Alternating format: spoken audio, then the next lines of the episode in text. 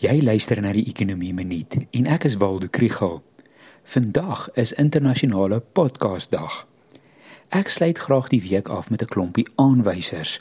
Statistieke Suid-Afrika het gister Augustus maand se produsenteprysindeks bekend gemaak.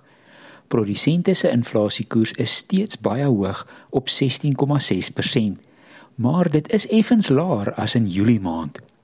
Die effense vermindering in die druk op pryse word toegeskryf aan die afname in die brandstofprys in Augustus. Produsentepryse word steeds hoog gehou deur die hoë pryse van koks, petroleum, chemikalieë, rubber en plastiekprodukte. Die pryse van voedsel, drankies en tabakprodukte is ook heelwat hoër as 'n jaar gelede.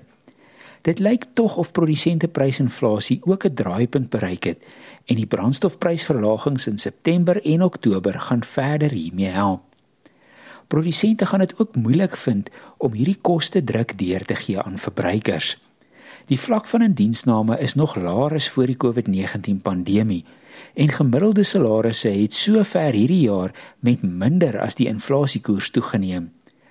Data uit die Reserwebank se kwartaalblad wys dat reële persoonlike besteedbare inkomste in die tweede kwartaal met net 0,2% toegeneem het.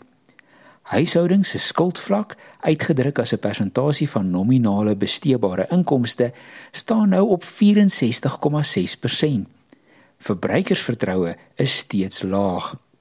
So saam met beerdkrag en nog 'n repo koersstygings wat in November verwag word, is 'n mens maar bekommerd oor die groei vooruitsigte vir die 3de en 4de kwartaal.